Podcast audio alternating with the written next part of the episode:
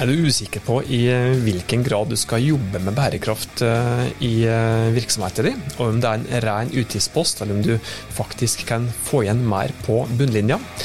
I dagens Hauspod-episode så skal du få faktabasert informasjon om det faktisk lønner seg å jobbe målretta med bærekraftig utvikling eller ikke.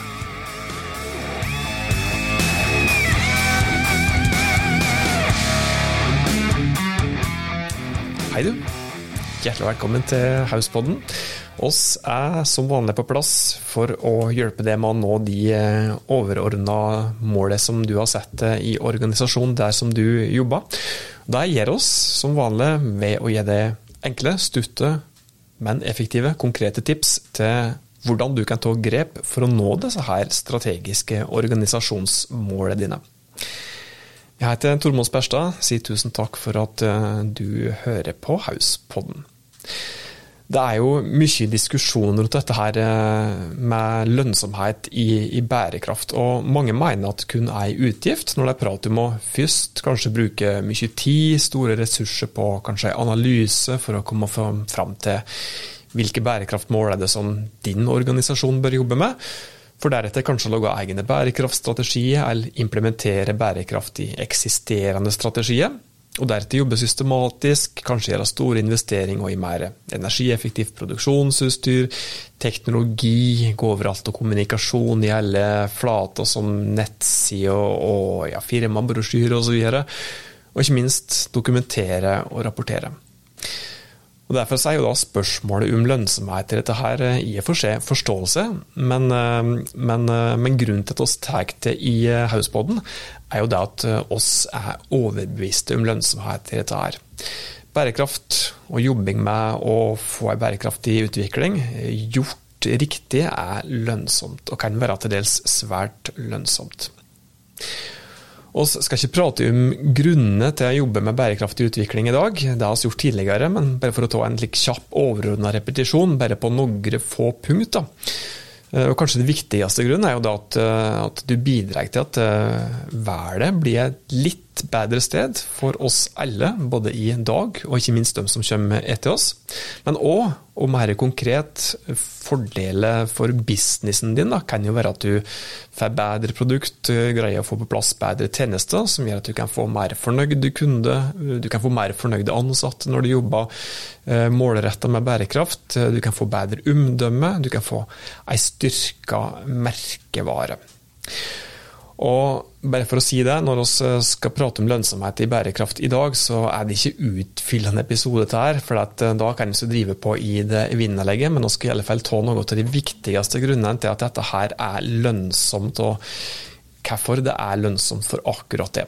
Og så kan det hende at vi skal utdype dette her enda mer i en framtidig episode til Hauspodden, slik at eh, du kan få enda mer konkrete tips til hvordan du kan jobbe med bærekraftig utvikling i organisasjonen din for å få enda mer igjen på båndlinja.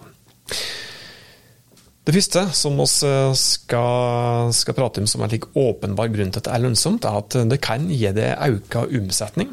Altså Kundene dine er opptatt av dette, her, og de velger i større grad produkt og tjenester fra bedrifter, virksomheter som tar bærekraftansvar i alle disse her tre dimensjonene som vi har pratet om tidligere. Altså både miljø og klima, økonomisk eh, bærekraft og sosial bærekraft. Dette her med ulike bærekraftmål og konkrete, ja, konkrete krav der, det begynner å komme, eller egentlig vært lenge, i, i anbudssituasjonen. Dette her med bærekraft det er et krav i anbud, og ikke minst når andre virksomheter enn det sjøl er på leit etter nye leverandører. Så Det betyr jo da at hvis du jobber bevisst med dette her, og kan, kan vise til at du virkelig jobber målretta, konkret med reell bærekraftig utvikling, så kan det føre til at uh, du stiller foran andre i køen i f.eks. Uh, anbudsutlysninger. Jobber du godt nok, så kan du òg ende opp med å bli god på innovasjon og få langt bedre produkt og tjenester. Og på den måten da òg øke verdien av det som du leverer. Likeens, eh, hvis du jobber skikkelig godt med bærekraft eh, i organisasjonen din, så kan du faktisk ende opp med det som heter forretningsmodellinnovasjon. Det kan faktisk hende at du kommer opp med en helt ny forretningsmodell som er mer lønnsom enn den som du har i dag. Og Dette ser vi stadig eksempel på, like typiske eksempel på, på, virksomheter som endrer forretningsmodellen sin i dag, er da virksomheter som går fra f.eks. rent salg av produkt til, til f.eks. utleie av produkt. Og ser òg en klar trend Eh, der det da går mot eh, forretningsmodeller som da går på såkalt tjenestifisering. Da, at det blir mer tjenester, mindre produksjon, mindre like rent salg av f.eks. et fysisk eh, produkt. Det er også lønnsomt fordi at du kan få ei sterkere merkevare. Ei sterk merkevare det er en av de beste og mest langsiktige måtene som, som du kan få et solid konkurransefortrinn på. Noe som kan gjøre at flere velger akkurat de virksomhet, og at flere er villige til å kanskje betale en høyere pris for produktet som du har, eller tjenesten som du leverer. Hvordan henger dette eh, sammen, da. Hvordan eh, gjør det det? Ja, altså det handler litt om omdømme, merkevare omdømme. Kryssa litt av linja her. Eh, men reelt bærekraftige organisasjoner de får gjerne mer og bedre omtale. Du har òg gjerne større tillit hos, hos kundene. Eh, litt slik eh, OBS, PS, NB her. Eh, her er det hårfine linjer. Eh, hvis du da blir oppfatta som ikke reelt bærekraftig, så kan du da bli tatt, ubevisst eller bevisst, eh, fortjent eller ikke fortjent, eh, for å drive med grønnvasking, som kan gi motsatt effekt. da. Men når merkevarer kommuniserer om bærekraft, så påvirker det uansett kundene eller målgruppa som, som, du har. da. Og ikke minst hvilke forventninger som de får til det.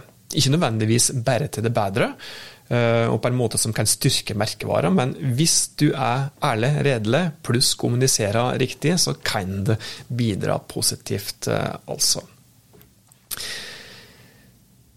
Når vi prater om lønnsomhet i dette her også, så handler det om at eh, du òg kan få et bedre driftsresultat. Det er mange ulike grunner til det. og Dette handler om, eh, dette er forskningsbasert, det som vi prater om nå. altså Jeg skal komme med noen få referanser litt senere. Dette handler, dette med bedre driftsresultat det handler bl.a. om at du kan få mer fornøyde og mer motivert ansatte. Og Har du mer fornøyde og mer motiverte ansatte, så kan de yte bedre. Og Det i seg selv vil gi et bedre driftsresultat, fordi at de er f.eks. mer effektive, gjør jobben sin bedre. Det kan også, eh, dette med å jobbe med, med bærekraft eh, målretta kan gjøre det enklere å rekruttere de beste folka.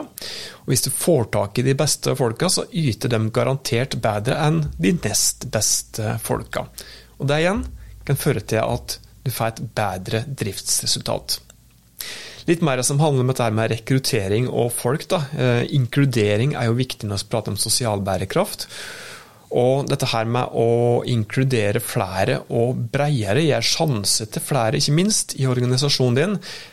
Der ligger det antageligvis mye gull. Tenk på hvor mange som ikke får mulighet til å bidra i arbeidslivet av ulike årsaker. Hvis du er en virksomhet som gir en eller annen som har stått utafor i mange mange år, kanskje i alle år i sin yrkesaktive alder. Hvis du gir vedkommende en sjanse, så kan det hende at vedkommende ikke bare gjør en bra jobb, men kanskje vokser noe voldsomt, og at du virkelig ser at dette kan gi deg enormt eh, store, store gevinster. Altså det er så gir sjanser til folk som har stått utafor i mange år. Det i seg sjøl er jo verdifullt og noe som gir deg ganske mye. Men det kan faktisk òg gi deg et bedre driftsresultat. Fordi at du, ved å inkludere flere, faktisk kan få tak i utrolig bra folk med ordentlig gode hode og hender. Det finnes jo eksempel på bedrifter i Norge som har gjort dette her. Eh, det første eksempelet som jeg kommer på som kanskje er det mest åpenbare, som har vært tatt fram som eksempel tidligere òg, tror jeg, det er en norsk byggentreprenør eh, som da ansatte, jeg tror det var faktisk kun døve snekkere, som da opplevde å få økt lønnsomhet fordi at alt måtte foregå skriftlig. Fordi den på den måten da unngikk misforståelse med kunde, konflikter med kunde, og fikk jo da bedre lønnsomhet i virksomheten sin. Og Hvis du jobber godt nok med, med bærekraft, så kan du òg få det som det handler om forretningsmodell innovasjon, som jeg prata om for noen minutter siden.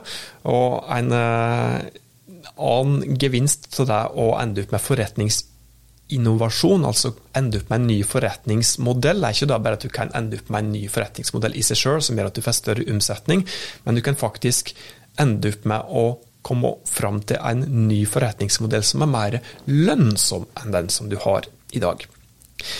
Og så finnes det òg andre grunner til at eh, det å jobbe målretta med bærekraft kan være lønnsomt. Eh, altså det kan være lønnsomt i den forstand at det er enklere å få investorer.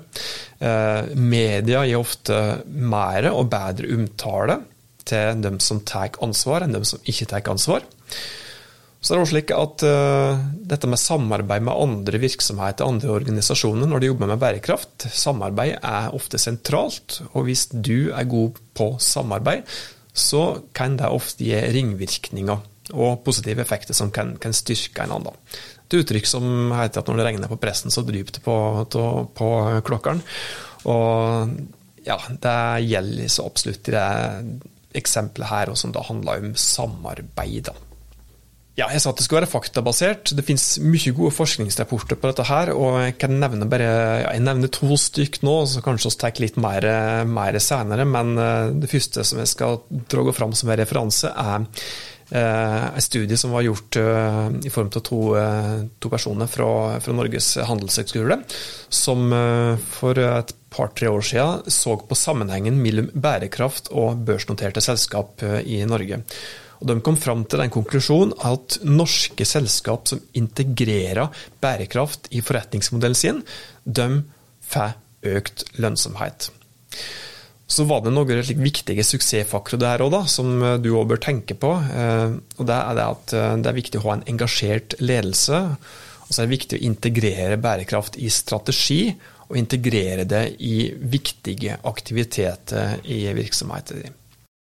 Det andre som vil trekke fram som en solid referanse, det er en som heter Jakob Utgård, eh, førsteamanuensis på Høgskolen Kristiania, som har sett på mange ulike forskningsrapporter, der han da konkluderer med at eh, ja, alt i alt så tyder resultatet på at dem de som tar samfunnsansvar i form av å jobbe med bærekraft, har en positiv, eller kan få en positiv effekt på økonomiske resultat